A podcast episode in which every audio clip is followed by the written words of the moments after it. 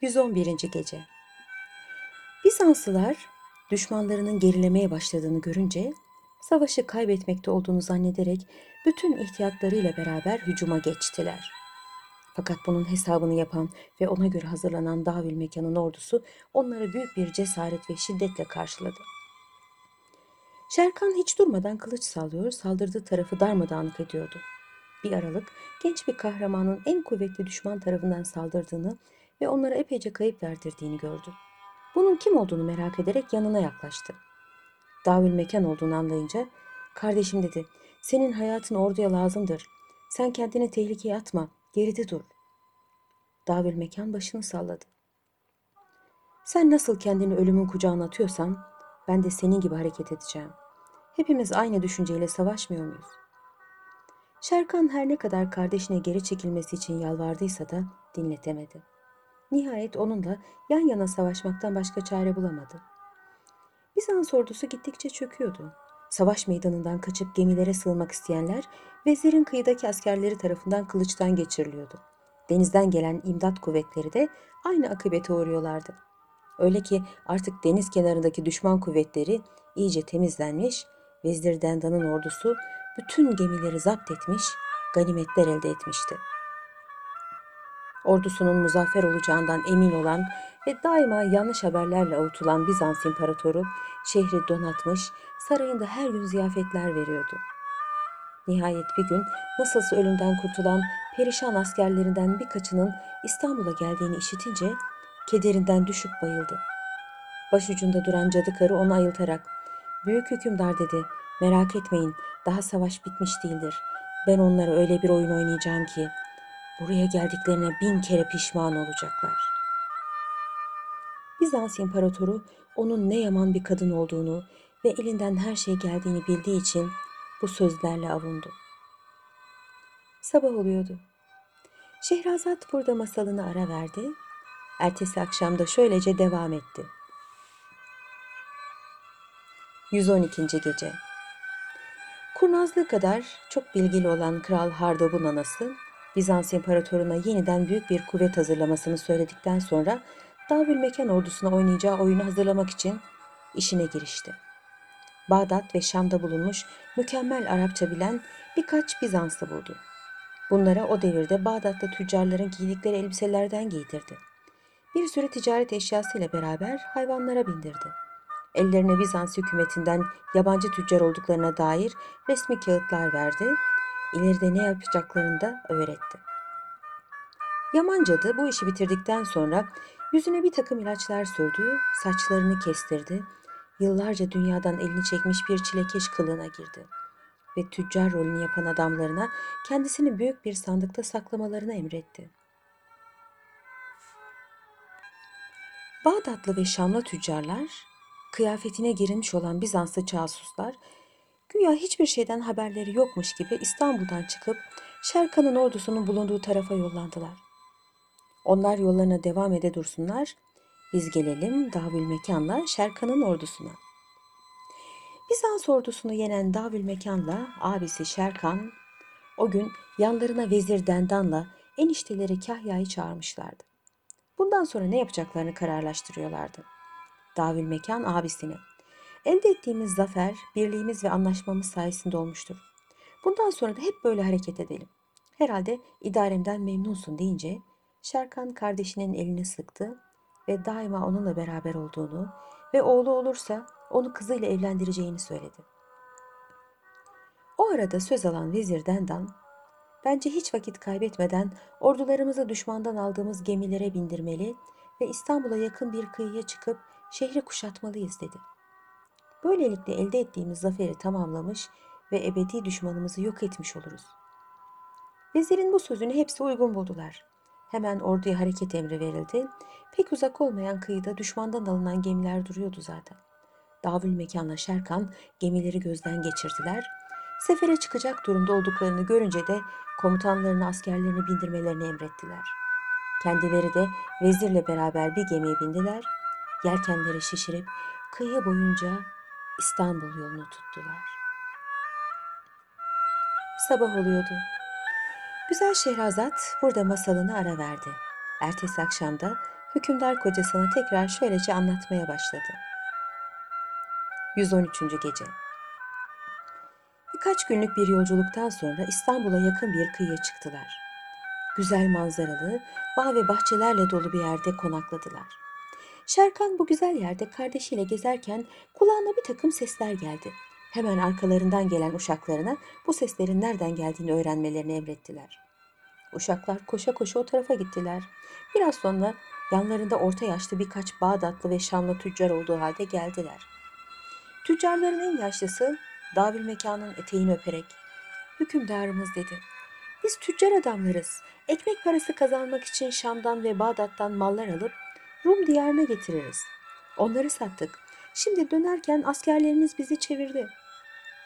Halbuki bize Rum ülkesinde böyle bir şey yapmadılar. Hiç kimse bize dokunmadı. Çünkü bizim siyasetle ilişkimiz yoktur. Biz esnafız. Sonra cebinden Bizans hükümetinin resmi kağıdını çıkarıp genç hükümdara gösterdi. Davülmekan onu okuduktan sonra merak etmeyin dedi. Askerlerimiz sizden bir şey aldılarsa onu ödetiriz. Yalnız böyle savaş zamanlarında bu yabancı ülkelerde dolaşmanız hiç doğru değildir. Yaşlı tüccar cevap verdi. Evet öyle ama bizim bu diyara gelişimiz boşuna olmamıştır. Şanlı ordumuzun elde ettiği zaferden daha büyük bir zafer kazandık. Şerkan meraklanarak söze karıştı. Nedir bu elde ettiğiniz zafer? Bunu şimdi burada söylememiz doğru olmaz dedi tüccar sesini hafifleterek. Çünkü bu mesele halk arasında yayılırsa bizim ve buraya ticaret için gelecek bütün meslektaşlarımızın mahvına sebep olur. Bunun üzerine Davül Mekan'la abisi Şerkan tüccarları alıp çadırlarına götürdüler. Tüccarların kafile reisi birazdan şöyle anlatmaya başladı. Efendimiz dedi, biz İstanbul'u gezerken Bizans kiliselerinden birinde karşımıza tuhaf kılıklı bir adam çıktı. Yanımıza sokularak siz Bağdatlısınız, yakında hükümdarınız İstanbul civarına gelecek ve Bizanslıları yenecektir dedi.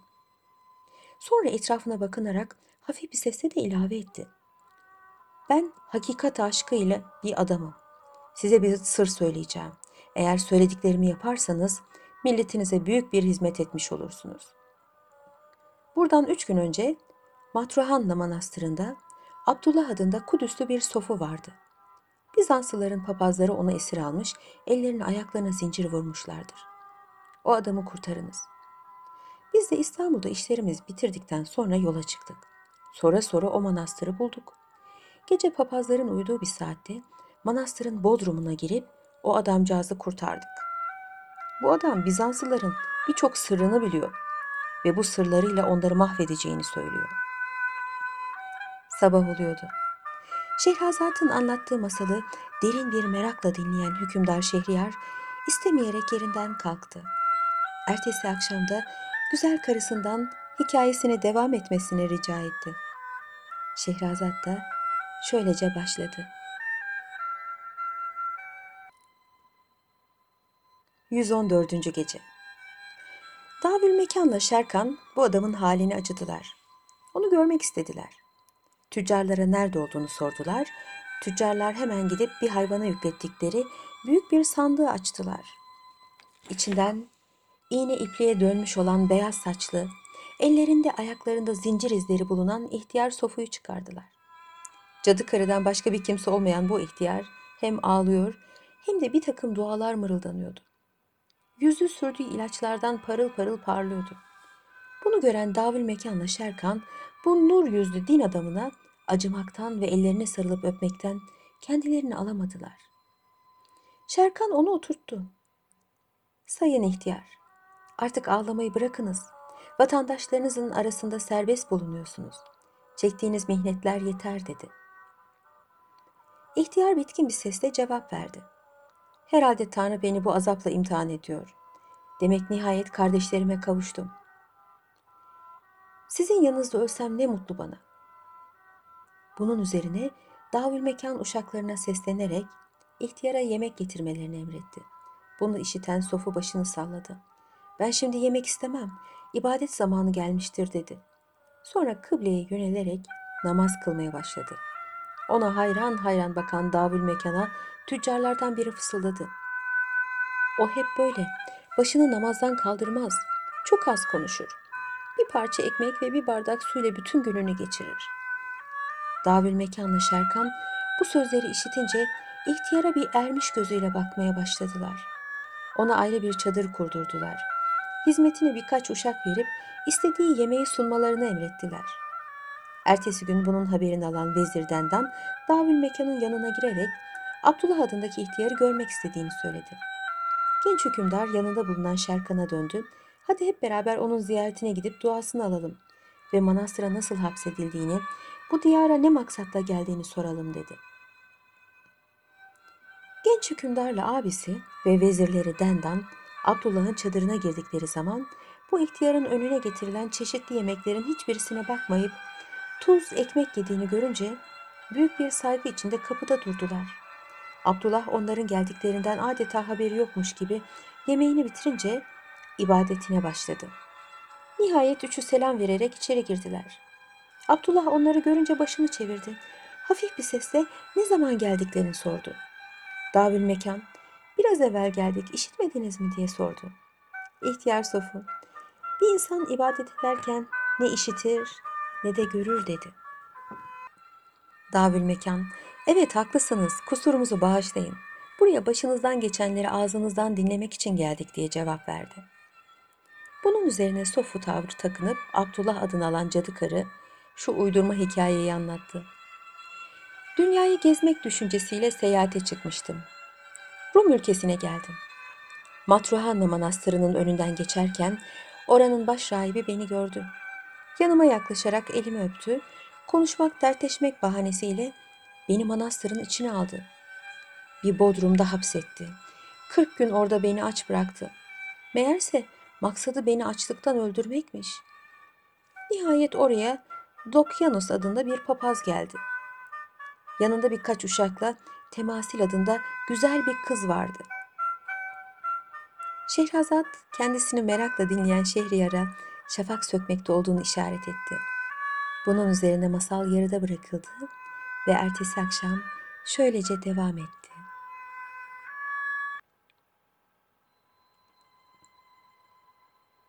...115. Gece Bu papaz uşaklarına beni dövmelerini ve zincire vurmalarını emretti.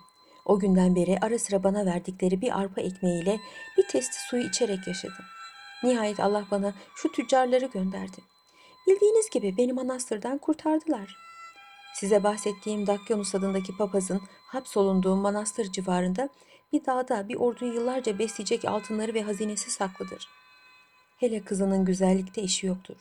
Babası onu imparator görüp aşık olmasın diye erkek kıyafetiyle gezdiriyormuş. Bugünlerde manastırda olduklarını tahmin ediyorum. Bu söylediklerimi gözlerinizle görmek ve o hazineyi elde etmek istiyorsanız hemen beraber oraya gidelim. Ben size hazinenin yerini göstereceğim. Yalnız ordularınız bu tarafta kalmasın. Çünkü papaz onları görecek olursa korkar. Hazinesini bulamayacağımız bir yere taşır. Oraya yüz kadar askerle dördümüz gidelim. Bu sözleri dinleyen genç hükümdarla Şerkan çok memnun oldular. Yalnız tecrübeli vezir bu sofaya şüpheli şüpheli bakmaktan kendini bir türlü alamıyordu. Davül mekanın hatırı için hiç sesini çıkarmadı. Abdullah'tan bu önemli haberleri alan genç hükümdar, eniştesi Kahya'ya ertesi gün ordularını İstanbul'a doğru yola çıkarmasını ve onlar gelinceye kadar diğer komutanlarla beraber savaşı idare etmesini söyledi. Sonra da biz üç gün sonra size yetişeceğiz dedi. Kahya aldığı emri yerine getirmek için davül mekanın yanından ayrıldıktan sonra genç hükümdarla abisi ve vezirdendan yanlarına yüz kadar seçme yiğit alarak Sofu Abdullah'ın kılavuzluğuyla yola çıktılar.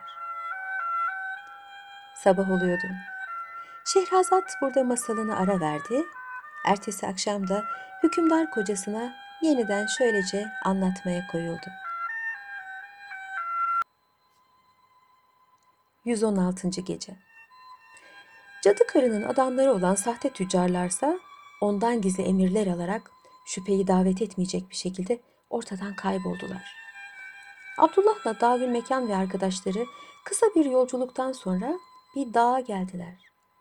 Abdullah o civarda bulunan manastırı göstererek siz oraya gidip içerideki keşişleri öldürün, ve bulduğunuz malları alın.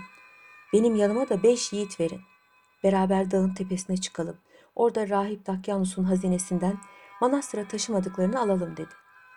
Davül Mekan bu fikri uygun görerek Abdullah'ın yanına beş atlı bıraktı ve arkadaşlarıyla beraber Matruhanna Manastırı'na doğru yol aldı. Sofu Abdullah'la beş atlı ağır ağır keçi yolu boyunca dağa çıktılar. Orada cadı karı atlılara biraz dinlenmelerini söyleyip bir bahaneyle yanlarından ayrıldı. Yakında bulunan bir mağaraya girdi. Bizans imparatoruna bir mektup yazdı. Bu iş için evvelce burada sakladığı bir güvercinin göğsüne bağlayıp güvercini salıverdi. Mektupta şunlar yazılıydı. Hükümdar Davül Mekan'la abisi Şerkan'ı ve vezirleri Dendan'ı bir tuzağa düşürmeye muvaffak oldu. Bana on bin asker gönderin. Ben Matruhanna Manastırı'nın civarındaki dağdayım. Düşmanlarımız manastırı yağma ederlerken askerler gizlice gelip dağda saklansınlar. Ben düşman büyükleriyle meydana çıktığım zaman üzerlerine saldırsınlar. Onların yanında yüz askerden başka bir kuvvet yoktur. Yalnız ben bu işin yolunda yürümesi için manastırın baş rahibini öldürtmek ve manastırı yağma ettirmek zorunda kalacağım. Ne yapalım? Her ikisi de millet için feda olsun. Cadı karı mektubu güvercinle yolladıktan sonra yanındaki beş atlıyla beraber manastıra indi. Davül mekanlı arkadaşları ve yanındaki askerler manastırın kapısına kadar gelmişlerdi. Manastırın baş rahibi onları görünce dışarıya çıktı. Ne istediklerini sordu. O sırada Abdullah gelerek bağırdı. Arkadaşlar bu adama laf söyletmeyin, öldürüp içeriye girin. Bunun üzerine Şerkan kılıcını çekip rahibi öldürdü ve manastıra girdi. Arkasından gelen Abdullah onu ve Davül Mekan'la veziri manastırın bodrumuna indirdi. Orada bulunan altın şamdanları ve birçok kıymetli eşyayı göstererek alıp götürmelerini söyledi.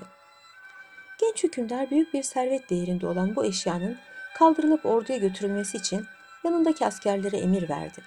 Bunu gören Şerkan kardeşine döndü. Artık burada fazla durmayalım. Papaz Dakyanus'un kızı Temasil'i beklemeyelim. Onun buraya geleceğini ummuyorum. Buradan almış olduğumuz eşya zaten bize yeter. Askerlerimizi bu yabancı ülkelerde yalnız bırakmaya gelmez. Bir an evvel İstanbul'u zapt etmeye gayret edelim dedi. Davül Mekan abisine hak verdi. Manastırdan çıktı. Sofu kılığına girmiş olan cadı karı onları oyalamak için dolambaçlı yollardan yürütüyordu. Nihayet dağın eteğine geldiler. Biraz dinlenip yola çıkacakları sırada on bin kadar düşman askerleri etrafını sardı ve onları ok yağmuruna tuttu. Bunu görünce hükümdar hayretle Şerkan'a sordu. Bu ordu nereden çıktı? Bizim burada olduğumuzu nereden öğrendiler? Şerkan kılıcını çekerek kardeşim dedi. Şimdi konuşmanın sırası değil. Biz de onlara ok atalım. Vezir Dendan bulundukları yere baktı. Burası iki dağ arası adeta boğaz gibi bir yerdi. Hemen genç hükümdara seslendi. Burası çok tehlikeli bir yerdir. On bin kişi olsak yine savunamayız. Çünkü düşman her iki geçit yerini tutacak olursa yanarız. Hele daha asker çıkartıp üstümüze büyük kayalar attırırsa mahvoluruz. Ben bu yeri bilirim. Rahmetli hükümdar Ömer Numan'la bir savaş seferimizde buraya gelmiştik. Davül mekanla Şerkan vezirin sözüne uyarak bir an evvel kendilerini o sıkışık yerden kurtarmak istediler. Bunu gören Abdullah atlarının dizginini tuttu.